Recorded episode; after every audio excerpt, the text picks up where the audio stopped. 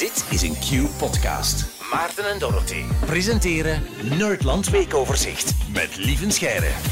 Dag Lieven, goedemorgen. Een goedemorgen. Ik heb vanochtend vroeg uh, eindelijk uh, jouw uh, app kunnen uittesten. Die je eens hebt aanbevolen, de, de Merlin Bird app. Ah, ja, de Shazam voor vogeltjes. Ja, ja, ja. Want ik hoorde ineens allemaal deze vogeltjes in Brussel.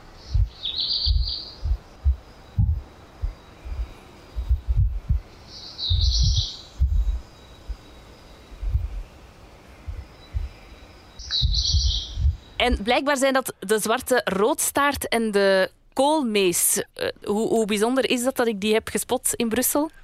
Uh, wel, die koolmees die heb ik gehoord in de verte. Hè. Die is die tuti, tuti, tuti. Dat is de koolmees. En die in de voorgrond, die herkende ik niet. En dat zal dan waarschijnlijk die uh, zwarte roodstaart zijn. Want ik ben niet heel goed in alle vogels. En dat is een iets minder courante, denk ik. Mm, zijn er eigenlijk niet zoveel. Ja, ja. Als ik dat thuis doe, dan heb ik er direct zes of zo.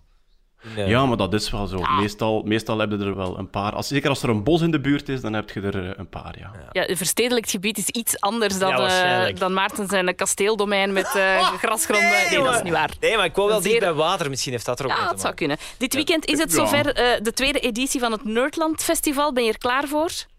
Ik heb er eigenlijk ongelooflijk veel zin in. Voor mij is dat de marathon. Hè. Ik moet dan van het ene naar het andere lopen. Uh, ik begin de vrijdagavond al met mijn AI-show. En dan heel dat festival lang uh, loop ik van de ene show naar de andere, waar ik geweldig van geniet. En ondertussen denk ik aan alles wat ik aan het missen ben in de andere tenten. ja, ik snap het. Uh, sowieso heel veel plezier gewenst. En dus vanochtend weer het Nerdland Weekoverzicht. Waar wil je het over hebben? Aha, um, er was uh, een soort gekke verwarring in Amerika. Ja? Toen daar opeens ja, de self-checkout kassas begonnen een fooi te vragen. Oei, ja, dat is raar. Het verschil in fooicultuur tussen Amerika en hier is al enorm groot. Hè. Dat is toch altijd even aanpassen, vind ik, mm -hmm. als je daar bent. Nu, normaal gezien, in de supermarkt aan de kassier wordt er niet echt een fooi gegeven. Hè. Dat is voor de horeca meer en voor de taxis en zo. En dus de voorbije dagen was er opeens nieuws dat verschillende onbemande kassas dus zoals wij er ook hebben, hè, waar je alles zelf scant en betaalt. Op het einde van die procedure vroegen die... Wil je een fooi toevoegen van 10, 15 of 25 procent? En mensen waren een beetje verward en sommigen drukten dan uit gewoonte op ja, 15 procent. En achteraf dachten die, wat heb ik nu gedaan? Ah ja. Heb ik nu een fooi gegeven aan een robot? En verschillende tv-kanalen en kranten hebben het opgepikt. Want zelfs in Amerika was er een gevoel van... Waar slaat dit nu eigenlijk op? Ja. Ze hebben dan gecheckt bij de uh, winkels die dat gebruikten. En die zeiden, ja, uh, die fooien worden verdeeld onder de menselijke werknemers van het bedrijf. Nu, in Amerika is er wel een wet die de werkgever verplicht om alle fooien te verdelen onder de werknemers. He, zo het, het, trucje dat vroeger soms gebruikt werd, van ja, we gaan die fooien zelf in de kassa stoppen, is wettelijk verboden in Amerika. Okay. Maar die wet geldt niet voor robots. Dus wettelijk gezien mag die fooi gewoon toegevoegd worden aan de bedrijfswinst. Ah, oké. Okay. Ja, ja, logisch, hè. Lieve nou, we gaan toch geen 15... Allee, tegen zo'n computer zeggen, hier is 20 dollar, dat gaat nee, niet. Nee, maar het wordt dus niet aan de medewerkers dan uiteindelijk verdeeld. Het ah, gaat gewoon mee, ja, in de, in de ah, grote ja. pot van het bedrijf. Maar wie zijn die werknemers dan als alles vol robots staat? En wel, dus de, de bedrijven die gecontacteerd zijn door een journalist, die natuurlijk geweldig op hun woorden letten, die zeggen, we verdelen dat onder uh, de mensen die de rekken aanvullen en die het onderhoud doen enzovoort. Ah, ja. Of dat klopt, kunnen ze niet controleren en het is ook niet wettelijk afdwingbaar. Ja, ja. Als je een fooi rechtstreeks aan iemand geeft, is het wettelijk afdwingbaar dat de werkgever die niet mag houden. Maar heel dat fooi-systeem in Amerika, ik weet dat veel Amerikanen daar fan van zijn. Ik snap dat niet. Ik ook niet. Ik, ik heb het onlangs voor, voor het eerst meegemaakt. Ik was nog nooit in Amerika geweest en toen in New York. Maar ik vind het zo raar, want vroeger kon je dan nog het, het uitrekenen, op je ticketje schrijven en voilà, dat was zo'n beetje half anoniem. En dan konden ze achteraf denken, oeh, dat is weinig.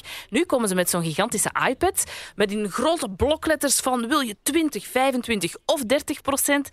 Of wil je ja. een beetje minder geven? Maar dat is echt zo de schaamknop, hè? Maar ja, kijk, een fooi-systeem dat je zegt van ik heb nu echt een goede service gehad, ik geef iets extra, dat ja. snap ik volledig. Ik ook, Maar ja. de verplichte fooi, dat is de prijs. Dus, Tuurlijk. Voilà, dat vind ja, maar ik ja, een verplichte fooi, dat slaat nergens op. Nu, de ontstaansgeschiedenis is ook, hè, dat komt uit economische crisissen, uit de drooglegging, uit de Great Depression, waarbij de horeca er echt aan onderdoor ging. En dat die werkgevers zeiden, ja, um, vraag fooien, want wij hebben niet genoeg inkomsten om jullie een volledig loon te betalen. En nu heb je in Amerika het verknipte systeem dat het minimumloon voor mensen die fooien krijgen lager ligt dan het minimumloon voor wie geen fooien krijgt. Goh. Dus als je in de horeca werkt, is je minimumloon lager, omdat ze ervan uitgaan dat je fooien krijgt. Dan denk ik, wat voor toren van wankele Lego-blokjes heb je daar op elkaar gestapeld in een soort raar economisch systeem? Ja. Exact. Ik ken ook mensen die enorme fan zijn van het fooie-systeem, omdat ze zeggen het verplicht hen tot een goede service. Dus de ober in Parijs, hè, die altijd een beetje nors is en onbeleefd, dat ga je in Amerika niet tegenkomen, omdat die zelf ook weten, ik krijg meer als ik heel beleefd ben en heel goede bediening geef. Ja, maar ik ben het daar niet helemaal mee eens, want hij krijgt sowieso altijd toch een fooi. En die kan misschien wat lager zijn, maar ja, je krijgt toch altijd een extraatje. Wij, wij hadden soms dat we dachten, oeh, oké, ja, dat is heel kort. Maar ja, dan staan ze daar met die verplichte fooi, toch? Oh, en je moet wel. Ja, er zijn ehm, voorstanders en tegenstanders Ja, van. Eh, kijk. voor mijn hoofd is het vooral, maak het nu even duidelijk Ja. en doe niet moeilijk. Ik denk dat dat het belangrijkste probleem is voor mij. Dat gaat hem niet zozeer over wat het extra kost. Het gaat hem over de onduidelijkheid en Ja. waarschijnlijk ook een beetje de sociale angst om dingen verkeerd te doen. Ja. Dat je zegt van ja, het is onduidelijk en ben ik nu onbeleefd als ik 15% geef of niet enzovoort. En het is een beetje die spanning die ik immens vervelend vind. Ik ook. Ik snap u helemaal. Ik ook. Maar het zal nog niet voor meteen zijn als ze het nu ook al beginnen invoeren. Voor robotten. Ja, want eh, hebben ze het nu laten doorgaan dan voor de robots, of was dat een foutje? Eh, nee, het is nog altijd in voegen, alleen Ah, ze krijgen zoveel backlash dat het er wel echt op lijkt dat ze het gaan afvoeren. Maar die eh fooi-knop heb je ook bij Uber-systemen. hè, Dat je zo in een app een fooi-knop krijgt van ehm, na een Uber-rit kun je, dan, kun je dan extra fooi geven. Dat snap ik ook, hè, dat is ook een service. En het is een beetje dat systeem. Mensen zijn zo gewoon geworden aan het scherm dat u vraagt 15% bij dat ze er wat op rekenen van, ze gaan het ook wel doen met eh, self-checkout kassas. Maar kijk, Ja. zelfs de Amerikanen laten zich hier blijkbaar niet aan vangen. Voilà, bedankt. Dus wij betalen jou gewoon het gebruikelijke eh, bedrag. Ja. of, of moet daar een fooi bij? Of, eh, Ik stuur straks een eh, appbericht met eh, drie eh, schaamknopjes. heel, heel graag tot volgende week. Lieve Scheire.